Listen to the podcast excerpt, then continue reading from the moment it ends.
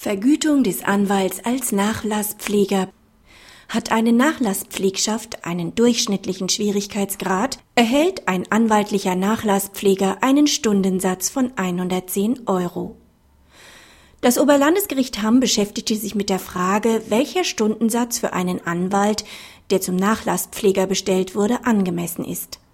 Nach den Paragraphen 1836 Absatz 1 und 1915 Absatz 1 Satz 2 BGB hängt die Höhe der Vergütung des Berufspflegers über einen vermögenden Nachlass von den für die zu führenden Pflegschaftsgeschäfte nutzbaren Fachkenntnissen des Nachlasspflegers sowie von Umfang und Schwierigkeit der auszuübenden Tätigkeit ab.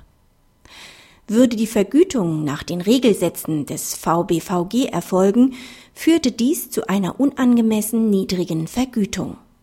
Die Festsetzung der Vergütungshöhe steht im pflichtgemäßen Ermessen des Nachlassgerichts. Hierbei kommt es auf die besonderen nutzbaren Rechtskenntnisse des Anwalts, der zum Nachlasspfleger bestellt wurde, an. Ihm steht daher eine höhere als die gesetzlich vorgesehene Mindestvergütung zu. Sind keine gehobenen Schwierigkeiten bei der Nachlasspflegschaft vorhanden und hält diese sich im üblichen Umfang, hat die Pflegschaft zumindest einen mittleren Schwierigkeitsgrad. Durch erhöhten Zeitaufwand wird dem Umfang der Tätigkeit Rechnung getragen. Vorliegend war eine Erbengemeinschaft vorhanden, für die der Berufspfleger tätig wurde.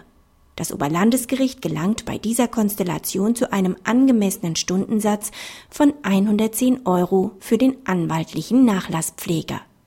Kritik auch wenn die Höhe der Vergütung des Berufspflegers über derjenigen eines Betreuers, der nach VBVG zu honorieren ist, liegt, ist ein durchschnittlicher Stundensatz von 100 bis 110 Euro kaum noch kostendeckend. Insbesondere in Ballungsgebieten mit hohen Lebenserhaltungskosten will die Übernahme einer Nachlasspflegschaft deshalb gut überlegt sein. Sind allerdings ständige oder mehrere Nachlasspflegschaften abzuwickeln, kann sich dies wiederum finanziell lohnen, zumal Schriftsätze, Anträge usw. So standardisiert werden können.